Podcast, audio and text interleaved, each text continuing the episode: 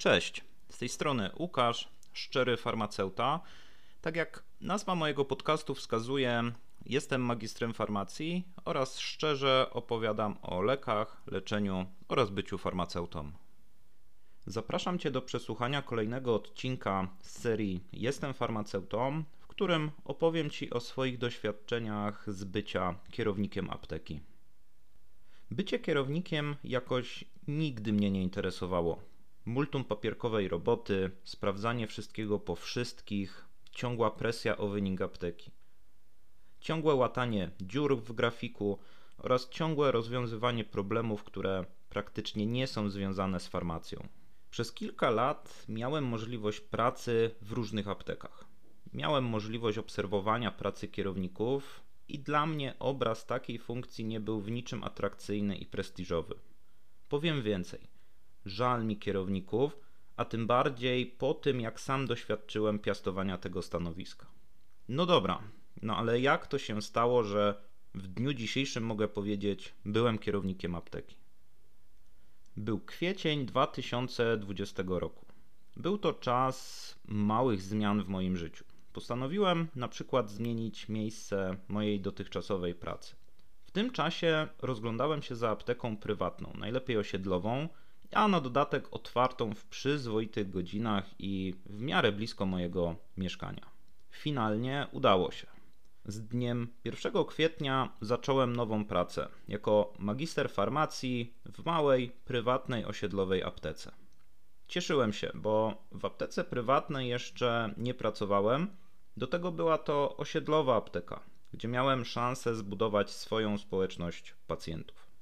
Apteka była po pewnych perturbacjach personalnych i zespół dopiero się klarował. Po trzech tygodniach pracy otrzymałem propozycję zostania kierownikiem. Kilka dni się nad tym wszystkim zastanawiałem.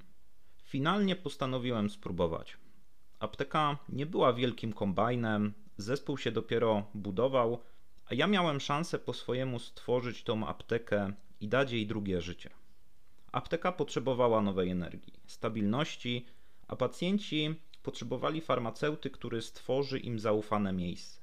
Wiedziałem, że ja jestem w stanie to zrobić.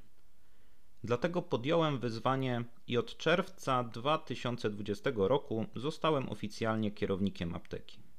Porzuciłem wszystkie inne projekty, którymi do tej pory się zajmowałem i skupiłem się w 100% na tym, by być jak najlepszym kierownikiem. Był to mój debiut w tej roli. Wielu rzeczy musiałem się dowiedzieć, nauczyć Musiałem obrać cele, wyznaczyć zadania, opracować schemat pracy apteki. Do tego świat był po pierwszej fali COVID-u i nikt nic nie wiedział, jak będzie wyglądała jesień tego roku. Pierwsze miesiące w roli kierownika były olbrzymim zastrzykiem energii i motywacji. Coś nowego, nowe wyzwania, nowe doświadczenia.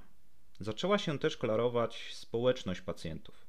Kładłem olbrzymi nacisk na jakość obsługi, profesjonalizm oraz estetykę apteki. Miałem szczęście i przyjemność pracy w świetnie dobranym zespole, który podzielał moją wizję i priorytety. Początkowo miałem naprawdę olbrzymią satysfakcję z rezultatów mojej ciężkiej pracy. Niestety zaczęły pojawiać się też mniej fajne rzeczy. Początkowe obietnice o pełnym składzie personalnym spełzły na niczym. Notorycznie zaczęło brakować personelu, a co za tym idzie, zaczęło się naginanie grafiku i nadgodziny. Niestety pojawiła się również rotacja personelu w moim składzie. Jedna osoba została przesłana na inną aptekę, przychodziła inna osoba, potem ktoś się zwalniał. Rozwalało to kompletnie pracę mojego zespołu, a przede wszystkim burzyło zgrany i dobrze funkcjonujący zespół. Przy deficycie personelu każde zwolnienie lekarskie było niemal jak wyrok. Zaczęły pojawiać się również kwarantanny związane z COVID-em. Na moich barkach była odpowiedzialność za to, aby utrzymać funkcjonalność apteki i aby tak kombinować i osadzić zmiany, żeby apteka była otwarta. Wraz z nadejściem sezonu pojawiły się również naciski na obrót apteki. Dodatkowo Przejmując aptekę jako kierownik, przejąłem tak zwany magazyn w bardzo złej kondycji. Co to znaczy? To znaczy, że miałem bardzo dużo towaru, który po prostu zalegał od dawna, bo było go po prostu za dużo lub miał krótkie terminy ważności. A za to też byłem mocno rozliczany jako kierownik apteki. W grudniu, gdy udało mi się pójść wreszcie na kilka dni urlopu, przyszło pismo z Wojewódzkiego Inspektoratu Farmaceutycznego o wszczęciu kontroli w mojej aptece. W dużym skrócie, taka kontrola polega na sprawdzeniu, czy leki i suplementy są odpowiednio ułożone, czy cała dokumentacja jest poprawnie prowadzona i czy funkcjonowanie apteki jest poprawne. Oczywiście to bardzo duży skrót tego, jak wygląda taka kontrola. Bardzo dużo jest punktów, które są sprawdzane podczas takiej kontroli. W przygotowaniu apteki włożyłem bardzo dużo sił i energii. Nigdy wcześniej, nawet jako magister, nie brałem udziału w takiej kontroli, dlatego też bardzo mnie to stresowało. Przygotowania zajęły około dwóch tygodni i były w okresie, gdzie jest najwięcej pracy w aptece, ponieważ przypadły na okres świąt oraz y, przełom roku. Niestety pomoc ze strony tak zwanego koordynatora była znikoma. I tutaj zatrzymam się na chwilę, ponieważ uważam za jedną z ważniejszych rzeczy w pracy farmaceuty czy kierownika fakt, aby koordynatorem była osoba, która ma kompetencje oraz doświadczenie w pracy, na przykład jako technik, magister czy jako kierownik apteki. Najdobitniej przekonałem się o tym na własnej skórze, niestety. Osoba, która powinna być wsparciem dla kierownika podczas m.in. kontroli, okazała się bezużyteczną osobą, bez żadnej wiedzy w tym temacie i bez jakiejkolwiek ochoty do pomocy. Pomogli znajomi, pomogli kierownicy z innych aptek, podpowiedzieli na co zwrócić uwagę, jak poprawić pewne rzeczy.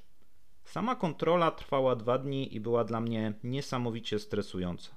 Niedługo potem mój zespół został znowu rozbity, a do mnie trafiały przypadkowe osoby, z którymi niejednokrotnie miałem kłopoty oraz problemy dyscyplinarne.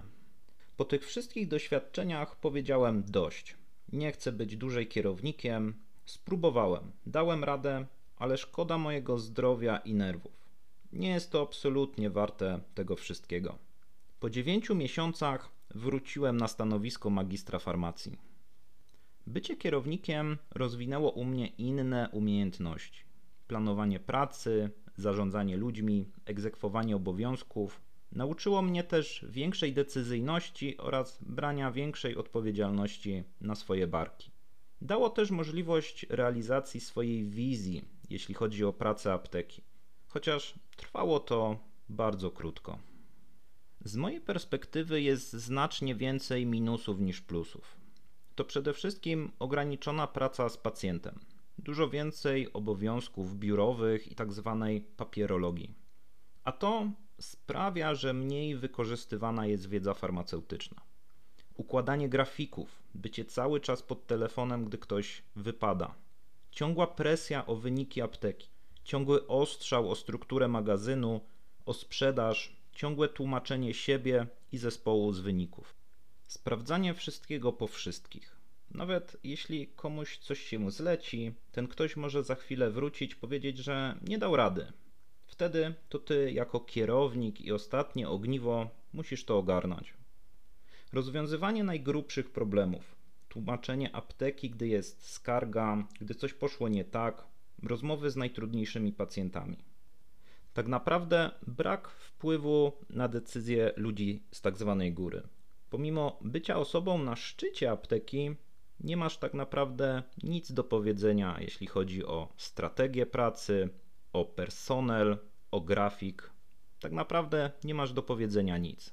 Bycie kierownikiem to też olbrzymia odpowiedzialność i ogromny stres. Teraz nie żałuję, że byłem kierownikiem, chociaż przez pewien czas, gdy poziom mojego wyczerpania psychicznego był duży, żałowałem. Nauczyłem się nowych rzeczy, pogłębiłem umiejętności, których bym pewnie nie miał możliwości poprawiać. Przekonałem się na własnej skórze, jak to jest być kierownikiem, oraz mogę się teraz w tym temacie wypowiadać. Trafiłem na swój debiut w kiepskim czasie, bo podczas pandemii. Może to też miało jakiś wpływ na to, jak postrzegam obecnie stanowisko kierownika. Włożyłem w tą pracę ogrom sił i energii. Mogę powiedzieć naprawdę z czystym sumieniem, że dałem z siebie wszystko. Nie zmienia to jednak faktu, że na ten moment nie wyobrażam sobie powrotu na to stanowisko i myślę, że szybko to nie nastąpi. W dzisiejszym odcinku to wszystko. Zapraszam Cię na mój Instagram Szczery Farmaceuta i do usłyszenia.